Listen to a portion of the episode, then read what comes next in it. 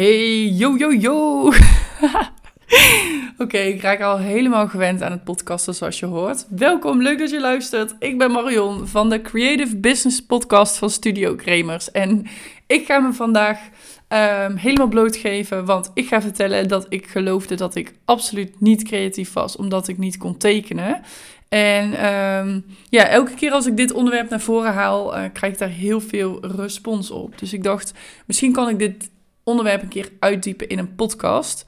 Um, want ik kom dus van een uh, mentale plek dat ik geloofde dat ik niet creatief was, niet echt creatief was. En uh, daardoor ja, dacht ik ook dat ik niet goed kon tekenen. Schilderen kon ik ook niet goed. Ik was wel creatief als kind. Uh, maar echt creatief, dat was ik niet. En toch ben ik fulltime illustrator, ondernemer en creatieve ondernemer geworden. Dus um, ja, het is wel een interessante reis geweest en um, die wil ik je graag even voorleggen. Want wie weet kun je er ook een les uithalen. Um, nou, zoals ik al vertelde, als kind was ik super onzeker over mezelf, over mijn kunnen. Ik was heel kritisch op mezelf. Ik vond bijna nooit iets wat ik deed echt goed. Um, dus ik vond het ook heel belangrijk dat anderen zeiden dat ik iets heel goed kon. Of dat mensen iets mooi vonden wat ik maakte. En dat was denk ik al best wel jong. Dus voordat ik tien jaar was tot heel lang daarna. En um, als het al je onzekerheid is en mensen kunnen soms een opmerking maken van... oh, ik vind dit niet zo heel mooi. Of uh, ja, het, het gevaar als je aan iemand vraagt van wat vind je hiervan... en iemand zegt van nou, het is niet mijn smaak en je bent er eigenlijk al heel onzeker over, dan kan dat zeg maar heel groot in je hoofd worden en echt een overtuiging worden waar je jaren later nog last van hebt. En dat was ook zo bij mij. Ik, uh, het grootste gedeelte was mijn eigen onzekerheid, moet ik zeggen hoor. Dus um, zo kritisch op jezelf, luisteren naar het stemmetje in je hoofd die zegt dat je het allemaal niet kunt. En ik had dus de overtuiging dat um, je pas creatief was als je echt uit je hoofd kon tekenen. En ik had altijd kleurplaten als kind gebruikt, maar ook voorbeelden. Ik kon wel heel goed natekenen, maar ja, ik vond dan niet, ondanks dat mensen zeiden van, uh, wow, je bent echt goed in tekenen, dacht ik, nee, ja, niet echt goed, want ik heb het gewoon nagetekend. En dat vond ik dan niet tellen. En um, mijn, um, de ex van mijn moeder, daar hebben we een hele tijd mee samengewoond, die heeft ook een aantal opmerkingen gemaakt die, die heel erg hebben gevormd dat ik echt geloofde dat ik niet creatief was. Um, toen ik 18 was, ging ik naar een creatieve opleiding. Werd ik toegelaten. Volgens mij waren er iets van 1400 aanmeldingen dat jaar. En ik zat bij de 300 mensen die door mochten na een aantal rondes. En toch ja, voelde het een beetje alsof ik door de mand zou gaan vallen. Dat heet imposter syndrome. Dus ik was best wel zenuwachtig toen ik naar die school ging. Want ik dacht, oh, dan komen ze er hier achter dat ik niet echt creatief was. Um, dus ik ging echt gewoon geloven dat ik dat niet was. Wat natuurlijk heel erg funest is voor je eigen, um, ja, hoe noem je dat? Groeipotentieel. Ik, uh, als je het zelf niet gelooft, ja, dan, uh, dan ga je niet ver komen. En um, nou, ik wist wel uiteindelijk dat ik best wel goed was in dingen, maar echt creatief was ik niet, omdat ik altijd inspiratie nodig had of een voorbeeldplaatje. Of, nou, dat heb ik me altijd nog uh, wijs gemaakt. Ook na mijn opleiding toen ik bij een reclamebureau werkte als creative. Nou, dan zal je, zou je zeggen van, nou, die vrouw die gelooft inmiddels wel dat ze creatief is. Um, maar goed, ja, ik uh, liet mezelf uh, de woorden in mijn hoofd geloven dat ik niet creatief was. En woorden om me heen ehm, die mensen helemaal niet zo bedoelden. Dus ik focuste me eigenlijk alleen maar op wat ik niet kon. In plaats van dat ik keek naar wat ik allemaal wel kon. Ik was zelfs excellent afgestudeerd op die opleiding, terwijl ik vier jaar lang dacht dat ik niet echt creatief was. Um, ik heb na mijn tijdens mijn HBO-opleiding als um, ja, concepter en creative ben ik stage gaan lopen bij een reclamebureau. En die boden me meteen een baan aan, omdat ik een aanwinst was voor het team. En zelfs daar geloofde ik dat ik niet echt creatief was. Echt bizar als ik het nou zo opnoem. Nou, er is natuurlijk een ommekeer geweest, want met deze mindset kon ik natuurlijk nooit illustrator worden en mensen gaan leren hoe je moet aquarellen of hoe je kunt aquarellen. Um, dus er is wel een shift geweest. En ik heb voor deze podcast, toen ik hem voorbereidde, dacht ik ook van oké, wat is nou de grote verandering geweest? En er zijn meerdere kleine aspecten geweest die tot een, een grote verandering hebben gezorgd. Maar uh, het is natuurlijk altijd een, een reis, zeg maar, een ontwikkelingsreis, waar, waardoor je um, je mindset verandert, waardoor je heel anders in het leven komt te staan. Het klinkt heel spiritueel, maar um, veranderingen gaan meestal niet van uh, dag op nacht. Nou, voor mij was de verandering, ik denk het meeste toen ik, ja, nadat ik ziek was geweest voor, en voor mezelf begon, um, dacht ik, ja, ik ga nou voor mezelf beginnen als illustrator. Um, ik ging met een business coach daarna aan de slag en um, ik ging ook met mezelf aan de slag, omdat ik gewoon niet tevreden was hoe ik op dat moment in het leven stond. Dus ik was ziek. ik vond mezelf heel nou, zielig wil ik niet zeggen, maar ik zat wel in een slachtofferrol, ging steeds meer, inzien. Ik, uh, ik gaf het ziekenhuis de schuld van dat het niet beter met me ging.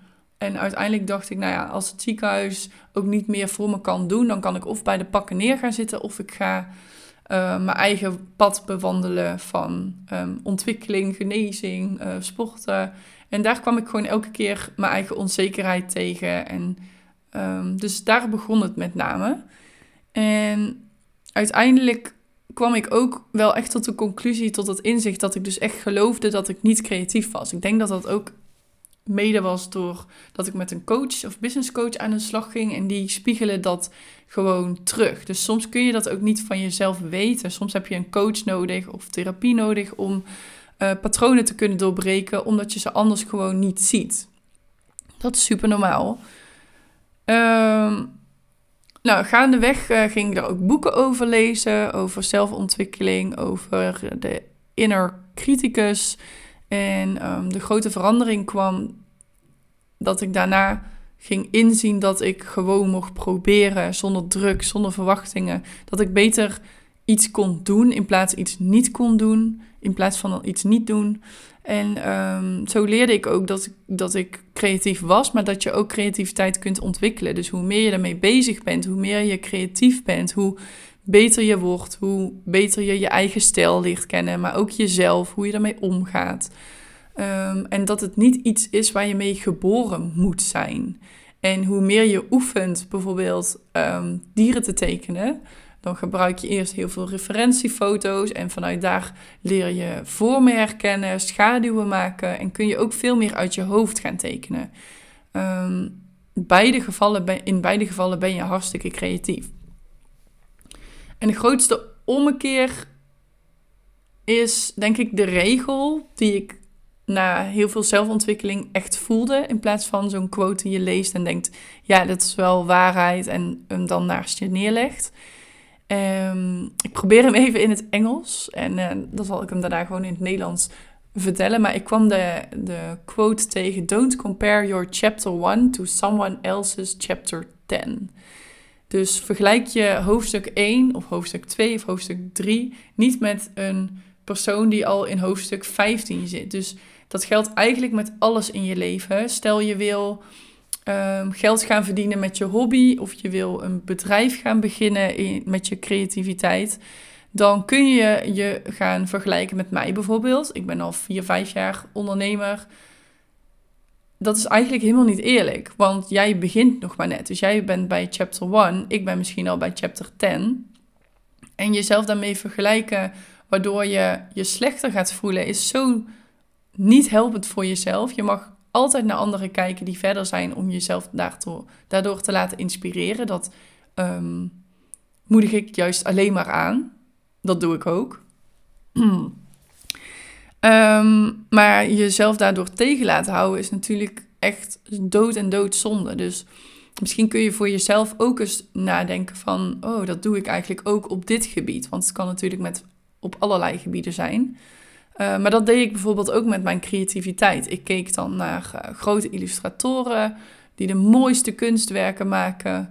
Um, ik keek, uh, nou, je, kijk maar eens naar Rembrandt. Ja, als je jezelf daarmee gaat vergelijken, dan ja, tuurlijk ga je daar niet gelukkig door voelen. Want ja, die man was een genie. En um, hij was misschien wel bij uh, chapter uh, 200 en ik zal misschien nooit verder komen dan chapter 50, bijvoorbeeld. maar goed, door deze quote echt te voelen en te omarmen, dat was voor mij wel echt een grote ommekeer. Dus um, ik hoop dat dat voor jou ook is. Dus ga die woorden onthouden. voor mij hielpen ze heel erg. Ik hoop voor jou dus ook. Nou, daarna ben ik um, gaan inzien dat juist dagelijks tekenen, en ik doe het nog steeds veel en veel te weinig, maar ik ben een hele tijd heel veel gaan illustreren. Heel veel les gegeven aan uh, workshops, waardoor ik, of uh, aan mensen in workshops. En daardoor werd ik beter in lesgeven. Ik werd beter in mijn eigen stijl weten en ontdekken. Ik werd beter in illustreren. Ik snapte aquarel nog beter dan dat ik al deed. Ik omarmde juist de fouten.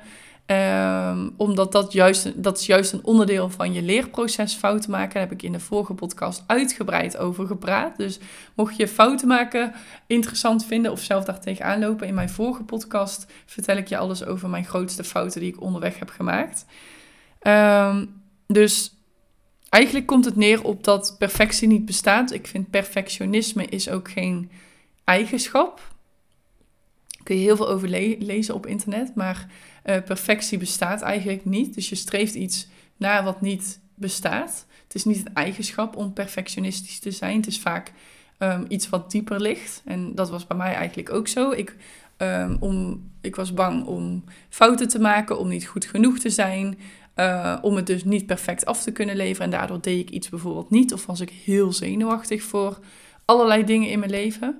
Dus um, het draait niet om perfectie, maar juist om groei en fouten maken en um, ontspanning. Dus creativiteit is voor mij ook een heel groot deel ontspanning en zelfexpressie en iets wat ik heel leuk vind om te doen. En um, ja, ik hoop dat ik jou dat inzicht ook mag geven, dat je um, door dagelijks te tekenen of dagelijks bezig te zijn met je creativiteit, dat je daardoor juist ook beter wordt. En uh, dat dat veel slimmer is dan het helemaal niet doen, omdat je vindt dat je niet goed genoeg bent. Nou, ik heb hierdoor uh, een aantal mentale barrières doorbroken. En ik zei het net al, uh, stemmetjes uh, in je hoofd die vertellen dat je niet goed uh, genoeg bent. Uh, streven naar perfectie. Dat zijn allemaal dingen die ik heb aangepakt om um, ja, een veel grotere stap in mijn uh, ondernemerscarrière te kunnen maken. Dat was voor mij echt een drijf, drijfsfeer.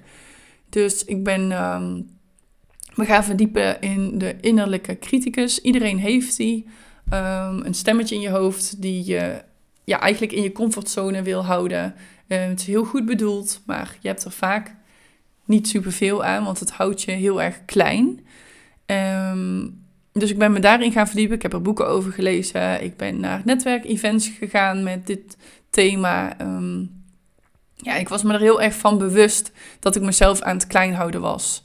En um, Misschien herken je het wel dat je zo'n uh, innerlijke criticus hebt of een innerlijke stem in je, hoofd. Die je bijvoorbeeld vertelt dat je niet creatief genoeg bent. Die je bijvoorbeeld vertelt dat je geen geld mag vragen voor je hobby. Of dat je geen bedrijf kunt maken van je creativiteit. En dan wil ik je een tip geven om tegen jezelf te praten alsof, uh, alsof je tegen je beste vriendin of vriend praat. Kijken hoe je dan praat over jezelf. Dus waarschijnlijk is dat een stuk zachter en bemoedigender. En wat mij ook heel erg geholpen heeft aan het begin is die criticus een naam geven. En um, daardoor koppel je die stem los van dat het jouw gedachten zijn. Die gedachten zijn geen waarheid. Het is een stem die je veilig houdt.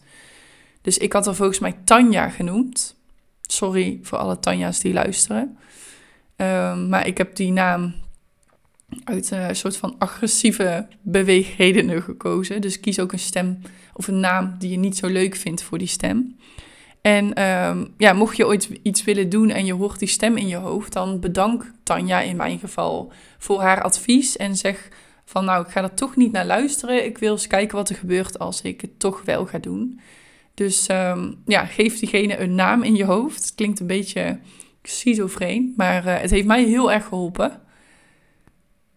Nou, en mocht je aan de slag willen gaan met dezelfde onzekerheid als ik, dus dat je niet creatief genoeg bent, dan wil ik je nog als tip geven om iedere dag heel klein te beginnen.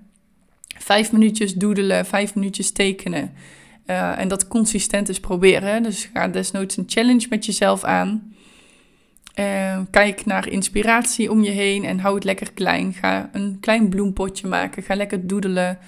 Um, onthoud in ieder geval dat elke keer dat je creatief bezig bent, dat dat waarde heeft. En dat het meer kwaad kan dan dat je het niet, dat je het niet doet, kan alleen maar meer kwaad doen. Uh, dus in beweging blijven, fouten maken, iets maken wat je niet mooi vindt. En dat gewoon omarmen van nou, vandaag is het niet zo mooi geworden, morgen weer een dag. En uh, nou, dat heeft mij heel erg geholpen om beter te worden in um, mijn creativiteit of uh, ja, de technieken oefenen en toepassen. Dat jarenlang doen, veel doen en lief zijn voor jezelf. Dus die stem ontkrachten in je hoofd en dan juist niet naar luisteren. Um, en dus aan dat zinnetje denken van don't compare your chapter 1 to someone else's chapter 10. Nou, het komt er steeds best wel vloeiend uit. Ik ben helemaal trots op mezelf. Want ik geloof bijvoorbeeld ook niet dat Rembrandt zichzelf altijd helemaal fantastisch heeft gevonden. Dat heeft ook heel lang geduurd. En sterker nog, bij al die grootheden heeft het zelfs zo lang geduurd dat het pas na hun dood bleek hoe geniaal ze waren. Dus hou dat ook in gedachten. Ik hoop dat dit verhaal jou inspireert. Ehm, om misschien je eigen creatieve pad te beginnen of juist te vervolgen of een nieuwe weg in te slaan. Maar om jezelf in ieder geval niet. Ehm, ik hoop dat het je niet meer gaat tegenhouden, die stemmen in je hoofd en die overtuigingen. Ik hoop dat ik je met deze podcast in ieder geval kan uitnodigen om um, ermee aan de slag te gaan. Om het juist aan te gaan in plaats van jezelf heel klein te houden.